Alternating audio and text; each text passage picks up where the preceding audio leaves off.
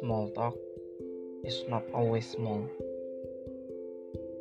Semakin bertambah usia, kita justru perlu semakin terampil berbahasa basi.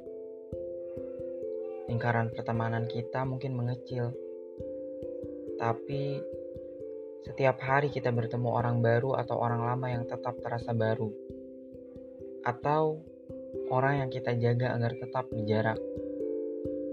Mereka bisa jadi adalah tetangga, sesama penumpang di kereta, satpam kampus atau kantor, pemilik toko dekat rumah, orang-orang di pesta. Dengan orang yang tak begitu dikenal, tapi perlu disapa ini kita bicara tentang hal-hal umum, misalnya cuaca, dan menanyakan kabar. Dua topik utama yang paling membosankan sekaligus paling ringan dijawab setiap orang.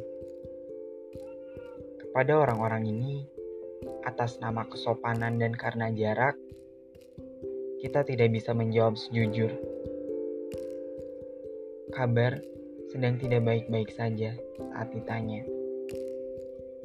Apa kabar? Kita tidak sedekat itu dengan mereka. Maka saat kita menjadi orang normal seperti pada umumnya, menjawab kabar baik dan hujan terus ya setiap sore belum lagi saat kita perlu bicara dengan orang yang baru dikenal, yang tentu perlu memulai dari awal. Nama, tinggal di mana, apa pekerjaan kita. Sekali lagi, menerima respon serupa atas jawaban kita soal pekerjaan dan siapa kita. Mungkin begitulah cara menjadi dewasa.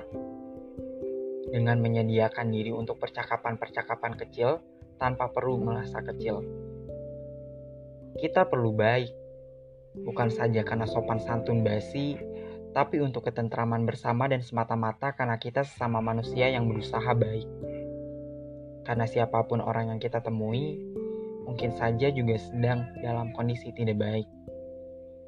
Kita merasa bosan berbahasa basi, tetapi bisa jadi kita adalah orang pertama yang mengajaknya bicara sehari ini. Di saat lain, kitalah orang yang mungkin perlu bantuannya. Karena bagaimanapun, kita saling terkait. Semua hal bermula dari yang kecil. Obrolan ringan atau sapaan singkat justru bisa dimaknai sebagai pemberian-pemberian kecil kita pada orang lain di saat aktivitas panjang. Seperti sebuah sapaan ringan pada saat kantor, sehat pak, atau tawaran bantuan. Saya bantu bu, ada seorang ibu di dalam Transjakarta yang kesulitan membawa barang. Apa kabar? Yang tulus adalah tanda kita peduli. Orang yang disapa meski singkat dan formal merasa diperhatikan. Basa-basi juga bisa tulus.